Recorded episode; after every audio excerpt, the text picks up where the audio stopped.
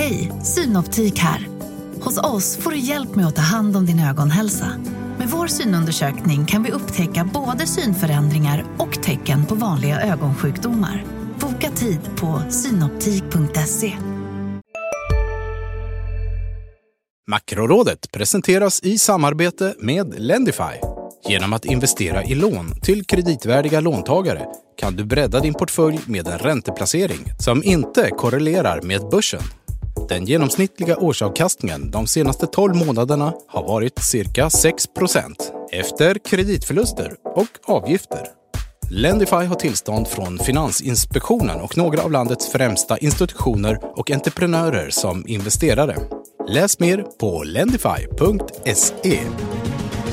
Hej och välkomna till Makrorådet, podden där vi går på djupet i de ekonomiska vattnen i Sverige och i omvärlden eh, med hjälp av två eminenta gäster. Idag är det Olof Manner, analyschef på Swedbank och Anna Öster, chefsekonom på Länsförsäkringar som gör med sällskap i DIs poddstudio. Varmt välkomna till er. Tackar. Tackar. Jag heter Johanna Jansson och eh, ska försöka eh, styra båten här genom då dessa ämnen som vi ska ta upp idag. Bland annat då förstås oron i Italien. Vi ska prata lite konjunktur och sen så ska vi få höra lite om vad våra gäster kommer hålla ögonen på under den sommar som kommer. Det här är nämligen sista avsnittet av Makrorådet innan, eh, innan sommaren.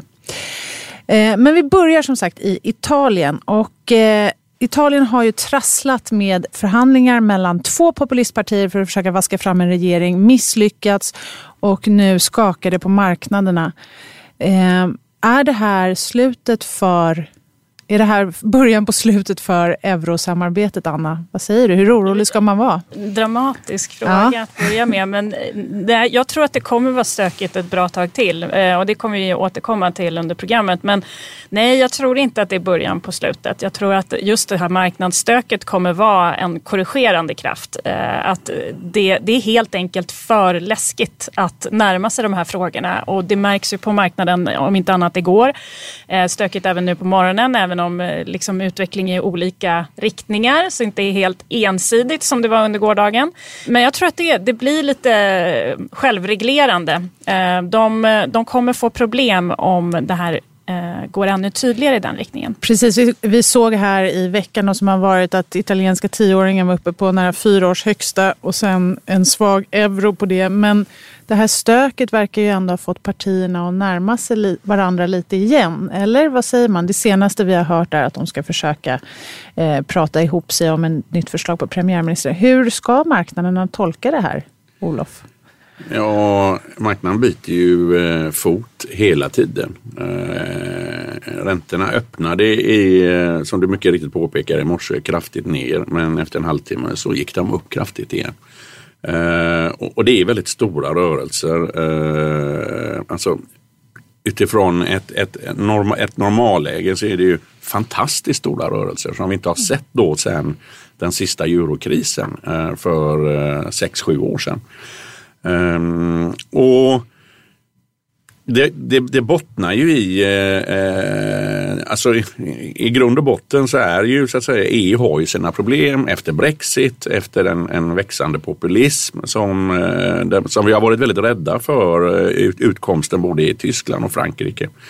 Uh, och även om så att säga utifrån ett EU-perspektiv de valen föll väl ut så är ändå Alternativ för Deutschland som är politiska partiet i Tyskland inne i, uh, i riksdag eller i, i ja, Bundestag. Så heter det. Ja. Och med tanke på så att säga vad man kan se då utifrån det som har framkallat populismen Eh, Eh, det är migrationsfrågor, det är eh, löner som inte stiger och så vidare. Så det finns egentligen ingenting som ser mycket bättre ut framöver om man ska vara ärlig. Och Italiens fall, de har ju släpat eh, eh lönemässigt efter Europa. De har släpat tillväxtmässigt.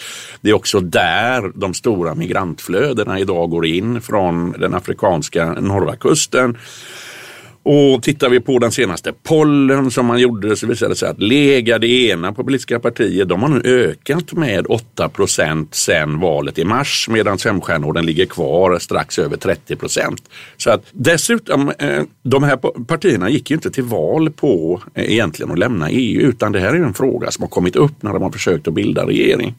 Eh, så allting är väldigt komplicerat just nu och det är det som gör att marknaden från den ena stunden till den andra byter fot. Och just nu vet vi inte. Du var inne på att de ska prata med varandra igen. Ja, det vet vi inte. Det är ett rykte på marknaden att Salvini ska göra ett nytt försök att få de här att... Och det är klart att någonstans har de säkert blivit påverkade av de här stora marknadsrörelserna.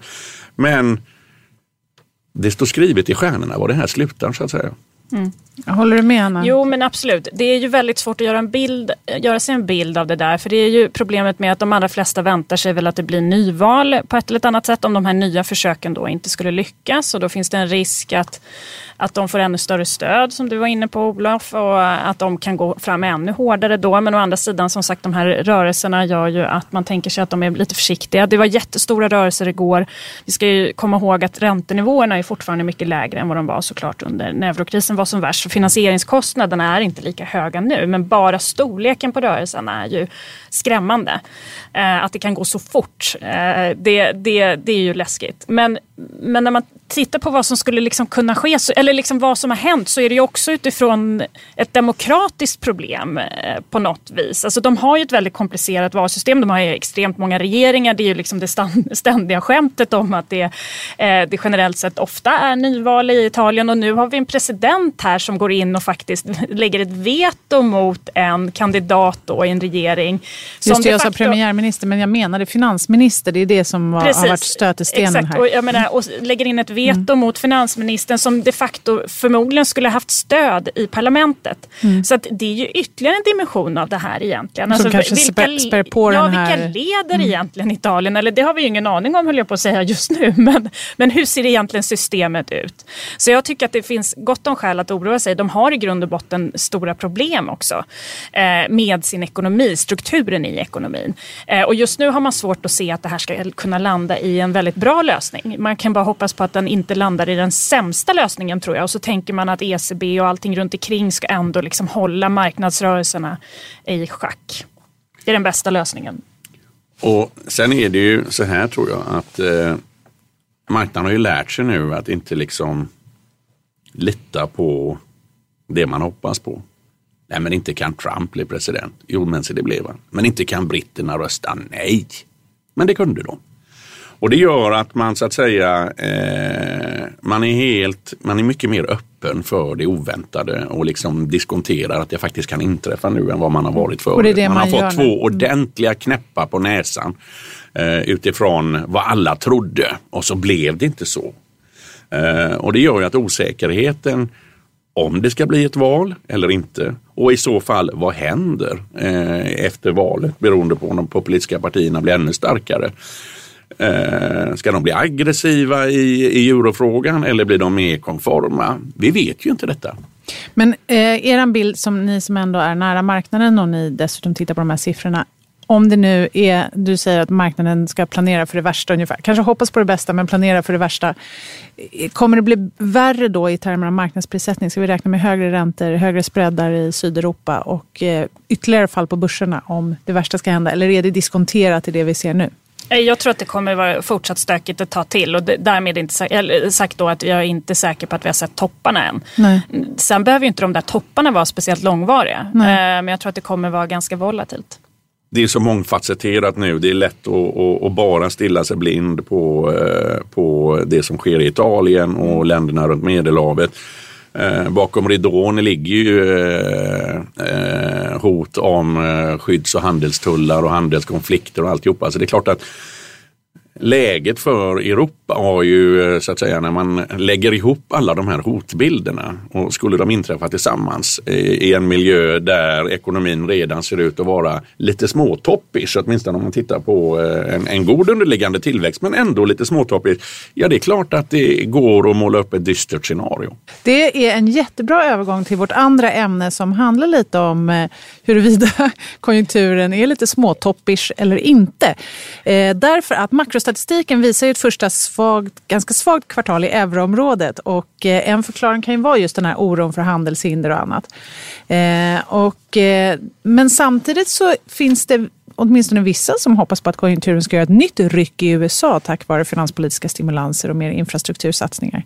Vad säger du Anna? Mm. Kan USA dra igång oss igen här efter att vi har liksom haft en dämpning här? Ja, men jag är ganska positivt inställd där ändå. Jag tänker mig att ökade investeringar i USA ska kunna eh, spilla över och vilja ha import från Europa och kräva att vi behöver också här i Europa eh, investera mer då helt enkelt. Så jag tror ändå att det finns, för, för jag ser det som att i Europa är vi nog ganska nära också kapacitetsbegränsningar i dagsläget vilket gör att ska vi växa vidare och nu tänker jag då kanske inte främst, ja också på Sverige men i den här kontexten var det mer euro, euroområdet då. Eh, så, så behövs det ytterligare investeringar som ska driva den här konjunkturen vidare. Då. Och då skulle det är liksom kunna, nästa ben i ja, konjunkturen. Ja, då skulle man kunna växa starkt ett tag till. Därmed inte sagt, nu har vi ju liksom ett nytt begrepp här då om vi, har, om vi är lite toppish här eller inte. och, det, och jag menar, man kan tänka sig absolut att tillväxttakterna har toppat. Eh, det behöver ju absolut inte betyda att vi är på väg ner i konjunkturen. Vi kan fortsätta växa över någon typ av trend, över en potentiell tillväxt, vilket gör att vi fortsätter då att ta fler resurser i anspråk. Arbetsmarknaden fortsätter att förbättras och det här så småningom leder till högre inflation. Så att även om vi liksom har toppat i liksom tillväxttal ja. så har vi inte toppat i konjunktur. Och det där tycker jag är viktigt att, att helt och jag enkelt håller med dig. Vad det handlar om är att bilen inte går i 70 utan i 50. Ja, men och det räcker det är ju för att ta sig till målet det också. Ja. Så att, eh, och jag tror att vi kan få lite drivkraft där eller lite hjälp på vägen från USA faktiskt. Eh, men jag har ju också sagt att jag tror att det kommer vara rätt stökigt på marknaden ett tag till. Vi har en hel del andra saker som också kan hända här under sommaren och eh, man får fundera på vilken roll ECB tar i det här för att eventuellt lugna ja. marknaden då också. Ja precis, för att jag menar det här att vi har sett en lite svagare utveckling i Europa. Det, dels så finns det många olika tillfälliga faktorer som nämns som anledningar. Lite med kalenderfrågor som alltid är lika intressant att man väder. inte vet från början. Väder. Eh, euron har varit stark tidigare. Nu har den ju fallit eh, tydligt i den här senaste oron men den har tidigare varit stark och möjligen då stramat åt ekonomin lite grann. Så att det, det finns flera anledningar att tro att det inte, man inte ska stirra sig blind på enskilda siffror tycker jag. Även om man tittar på de här inköpschefsindex som har kommit ner då så är de fortfarande på bra nivåer tycker jag man får komma ihåg. Så att även om de då har fallit ner så pekar det på fortsatt god tillväxt. Olof, Anna är ändå för, försiktigt optimistisk, eller kanske till och med bara optimistisk. Om, ja, ja, det är någorlunda optimistisk ja, om, om utsikterna för USA, att de ändå ska kunna dra igång, eller fortsätta, att vi kan ha ytterligare ett ben kvar här i konjunkturen. Du då? Jag fick, får intrycket av att du är lite mer orolig ja, för framtiden. Eh, jag ska väl inte ta, eh, ska väl inte ta den motsatta synpunkten bara för att.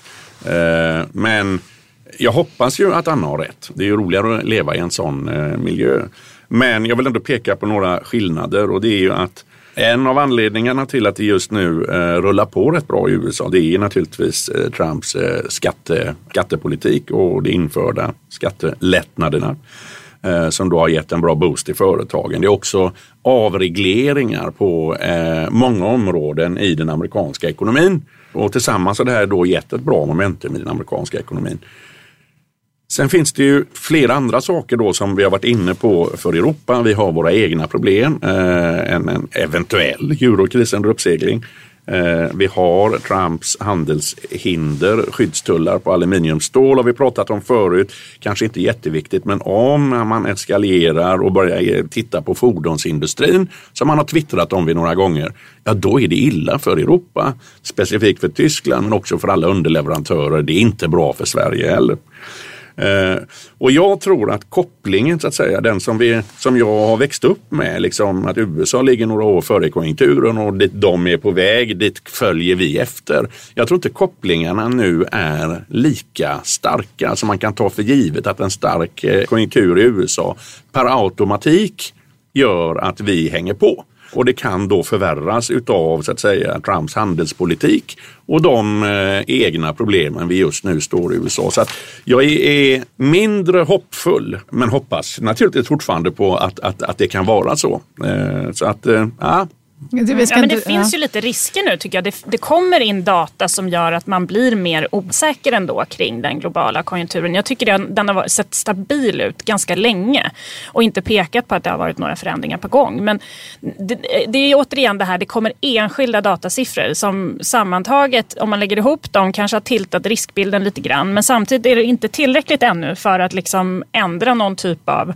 eh, grundtanke om vart vi är på väg. Vi såg till exempel att världshandeln dippade ner helt plötsligt här nu senaste siffran från i mars. Är det en tillfällighet eller är det en ny trend som vi absolut inte vill se? Hej, Ulf Kristersson här. På många sätt är det en mörk tid vi lever i. Men nu tar vi ett stort steg för att göra Sverige till en tryggare och säkrare plats. Sverige är nu medlem i Nato. En för alla, alla för en.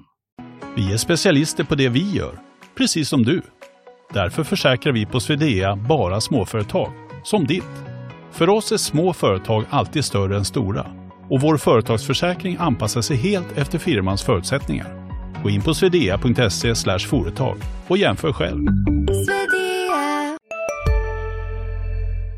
Vi har ju varit väldigt nöjda med att den har sett så stabil ut trots det här pratet om olika tullar och handelshinder eh, generellt. Så det, jag tycker absolut att det finns en hel del faktorer som man behöver följa. Eh, men jag tror att grund ekonomin ändå fortsatt och kan leverera. Det är så många osäkerhetsmoment ja, nu i ekonomin. Eh, både vad det gäller handelshinder, vad det gäller brexitrörelsen, vad det gäller eurokrisen och det är klart, när osäkerheten är stor, det första som man drar sig för att göra det är att investera. För man vill veta hur framtiden ser ut, hur kartan ser ut innan man gör sina beslut om investeringar.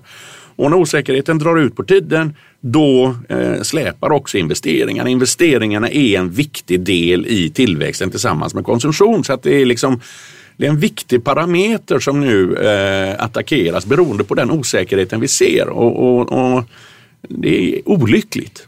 Jag blir också orolig nu, men, men då är jag ändå glad att när vi går över i nästa del på programmet här som handlar om våra spaningar, eller era spaningar. Så Anna, eh, vad, jag vet att du har med en spaning som handlar just om kanske det här underliggande utvecklingen i ekonomin och eh, också hur vi ska styra ekonomin. Finns mm. det någon hopp Jag vet där? inte om jag, kanske, om jag gör det mer optimistisk när jag pratar om det här. För jag är väl lite inne på att vi kanske inte har de ekonomisk-politiska ramverk som vi egentligen skulle behöva. Vi fick BNP-siffror från Sverige idag, eh, kan vi ju nämna. Eh, de var högre än väntat i kvartalstakt men helt på förväntan i årstakt. Hur, Just det, hur BNP det... första kvartalet växte då med drygt 3 procent. 3,3 procent i mm. årstakt. Och, och det är anledningen till att det diffar, beroende, att det var högre än väntat i kvartalstakt, det är bara att tidigare siffror är nedreviderade helt enkelt. Så det, det, men det, är ganska, det är ändå en hyfsat bra fart. Det man måste man absolut säga. Mm. Och jag menar, bostadsinvesteringarna fortsatte att leverera tydligt eh, kvartal ett. Eh, nu, nu är de allra flesta överens om att så kommer det ju inte fortsätta vara. Utan det är ganska tydligt att eh, bostadsinvesteringarna ska ner.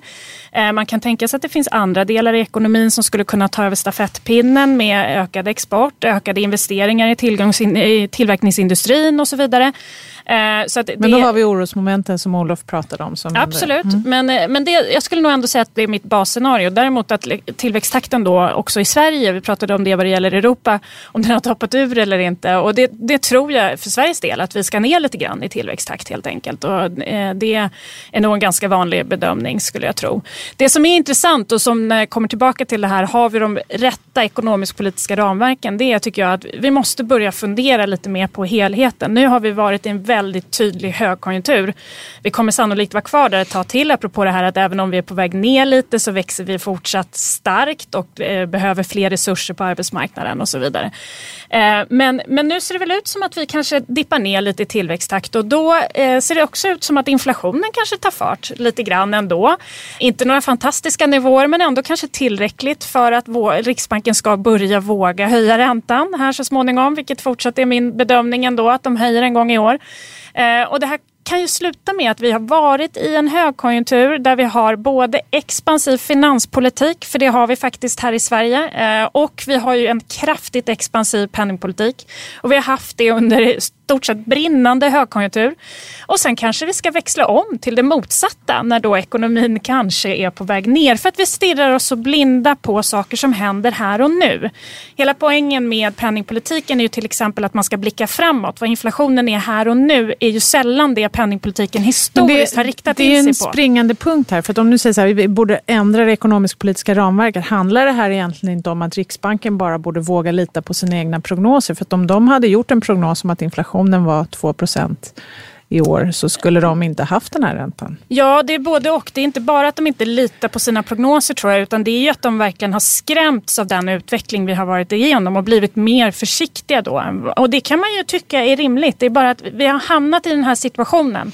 Mm. Att vi har en, haft en expansiv finanspolitik och penningpolitik. För som sagt, det är inte bara penningpolitiken som är expansiv. I år är också finanspolitiken tydligt expansiv. Även enligt Finansdepartementets egna beräkningar. Mm. Så det är inte bara utomstående bedömare som tycker håller, det. Håller du med Olof? Eh, och det, det kan jag tycka är oroväckande när vi blickar framåt. Jag ska bara avsluta just det här att tanken var nog inte den här. Jag tror inte tanken var att vi skulle ha den här typen av eh, expansiv politik eh, i en högkonjunktur. Nej. Nej. Jag håller med om mycket. Frågan är om vad. Eh, men låt mig säga så att jag delar ju Annas äh, ångest för om, om så att säga, tillväxten nu börjar, äh, vad ska man säga, dämpas lite men fortfarande växa. Och inflationen kommer med viss försening. Mm. Äh, det skulle den kunna göra av en mängd orsaker. tajta sektorer på arbetsmarknaden, löneglidning, svag krona, högre energipriser. Jag menar, det går att hitta anledningar. Och så eh, sitter Riksbanken och tittar på tiondelarna som börjar leverera in mot inflationsmålet och så höjer man i ett läge där ekonomin kanske är lite på väg. Ja, det är ju upp och nervända världen. Mm. Eh, så att eh, jag delar det. Ja, och det, det, det här är ju en oro som verkligen eh, går att eh, spinna vidare på länge. Men jag vet att du också har en bidragande, eller ska man säga, en effekt av det här med låga räntor i en hög, en stark konjunktur och också med liksom ärren från finanskrisen handlar ju om att vi har en ganska hög skuldsättning på många delar av världen. Jag vet att du har en spaning som, som har med det att göra. Ja, jag tänkte det eh, var på sin plats då när vi ändå eh, pratar om eurokris och sånt här. För det är ju eh, så att eh, Eh, Eh, sen eurokrisen, om man tittar på de länderna som drabbades då, eh, PIGS-länderna har man kallat dem eh, ibland. Portugal, Italien, Grekland, Spanien, vissa ville slänga in Irland en gång i tiden. Och se vad som faktiskt har hänt då sen eurokrisen så är det ju så att statsskulderna i de här länderna har ju faktiskt ökat. Inte med samma hastighet som innan för budgetbalansen är sakta bättre. Men de har fortfarande i de flesta fall, utom Spanien nyligen, fortsatta underskott i balansen. Så statsskulderna ligger idag på väldigt höga nivåer. Italien har till exempel 130 procent statsskuld i förhållande till BNP. Spanien 100. Grekland gör ny topp eh, någonstans runt 180, Portugal 120. Och då ska man komma ihåg att Maastrichtkravet, det vill säga det önskemål, får man väl kalla det snarare än ett regelverk i och med att eh, man inte har satt dit någon, som EU har på sina medlemsstater, det ska ligga på 60 procent. Och till saken hör väl då att Sverige ligger på 40, så det ser ju bra ut just nu. Men man ser ju också i Italiens fall eh, vad som kan hända då när eh, av någon anledning räntorna börjar dra upp. Eh, det finns ett uttryck som heter det är först när ebben kommer som man ser om hen har badbyxor eller ba, eh, baddräkt på sig. Och skulderna eller ingenting alls. Eller ingenting alls. Ja, fall, ja det skulle man faktiskt kunna säga. Mm. Och, och så länge räntorna är väldigt låga eh, och då ska man komma ihåg att ECB håller ju de korta räntorna men marknadsräntorna, vilket har bevisats tydligt de sista dagarna, de äger inte centralbanken. Åtminstone om de inte liksom slår på trumman och mm. börjar köpa igen, vilket de fortsätter liksom redan håller på med. Men det gör ju att de här skuldsituationen lätt kan komma på tapeten igen va? och sprida sig. Vi, vi såg inga jättestora spridningseffekter igår. Men räntorna var upp, naturligtvis mm. mest i Italien, men de var upp i Spanien, upp i Portugal, upp i Frankrike. De var ner i norr, de nordeuropeiska länderna, var nere med i låga Tyskland. statsskulder. Mm. Precis. Mm. Och i och med att marknaden redan har, de har ju tränat på det här under en tvåårsperiod. Alltså alla som sitter och handlar obligationer ja. är liksom, de vet hur den här fighten ser ut. Det är väldigt lätt att gå in i samma mode och börja liksom, ja då händer det, då händer det, då händer det och nu kör vi igen. va. Mm. Eh, trots att ekonomierna faktiskt ser bättre ut. Va? För det gör den i, faktiskt i alla de här länderna. Men skulderna är fortsatt höga. Och det gör oss sårbara när vi går in i nästa kris. Ja, och, och då pratar vi bara statsskulder. Sen får man inte glömma att de privata skulderna har ju också ökat, inte minst i Sverige, som en konsekvens av de ultralätta räntorna. Så vi är ju betydligt känsligare för högre räntor i en miljö där skulderna är högre på den privata sidan, på företagssidan och på statsnivå. Mm.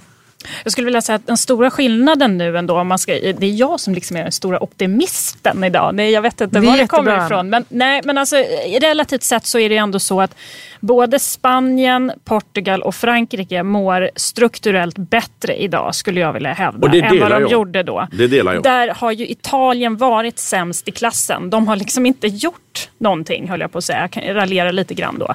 Eh, men de andra har ändå, även om det finns saker att fortsätta önska i de andra länderna också. Jag menar Frankrike har ju inte gjort jättemycket men de har en ambitiös reformplan åtminstone. Och det har hänt mer saker i Spanien och Portugal eh, relativt Italien.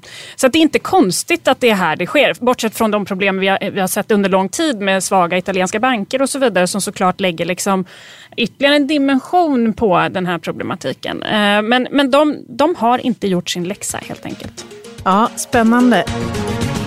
Det är mycket fokus på Italien idag och det är ju inte så konstigt. Nu då i säsongsavslutningen för Makrorådet så ska vi också blicka framåt. Eh, inte kanske främst på veckans viktigaste, även om vi får intressant statistik både i USA med sysselsättning och vi får inköpschefsindex som kan säga någonting om konjunkturen här den första, då, den första juni.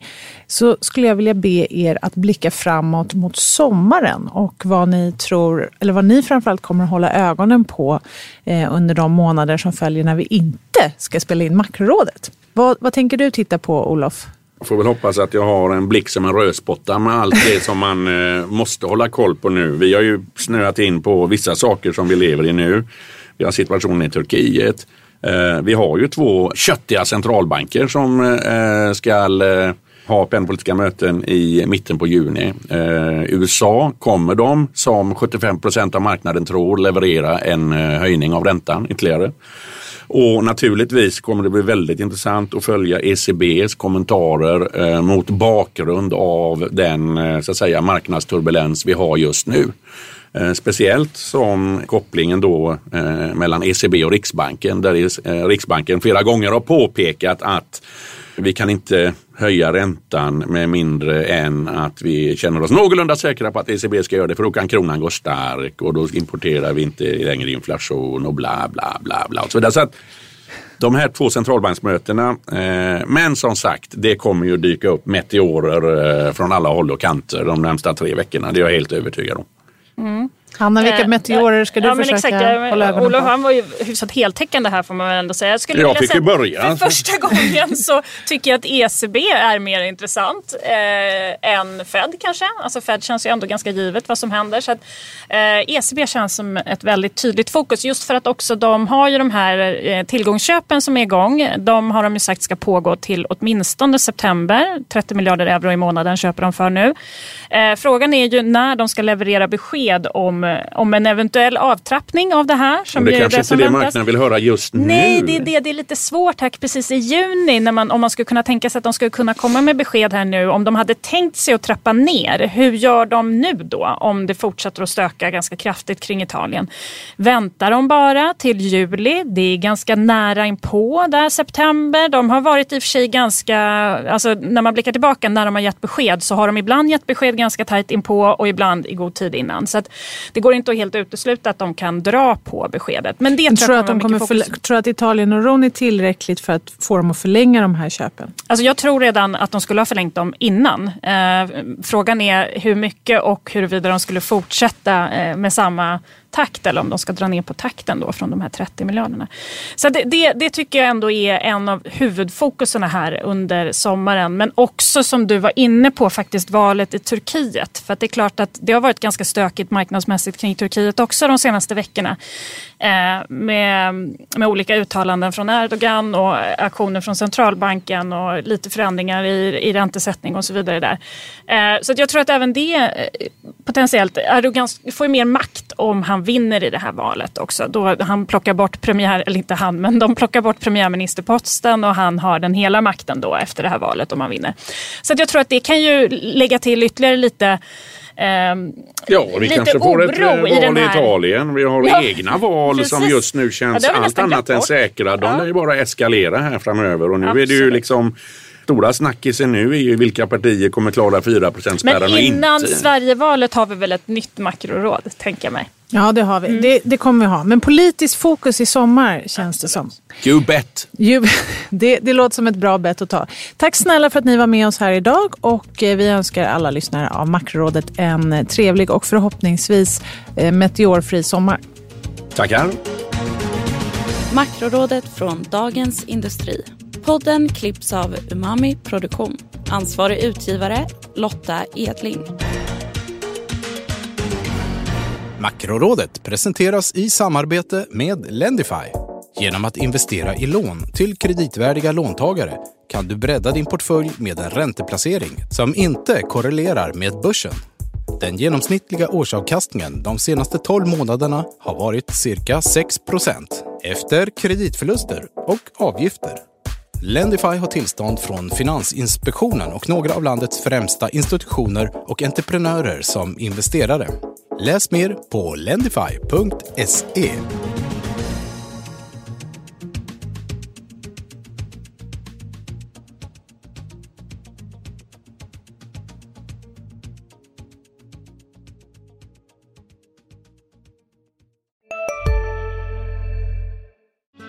Susanne Axel här. När du gör som jag och listar dig på en av Krys vårdcentraler får du en fast läkarkontakt som kan din sjukdomshistoria.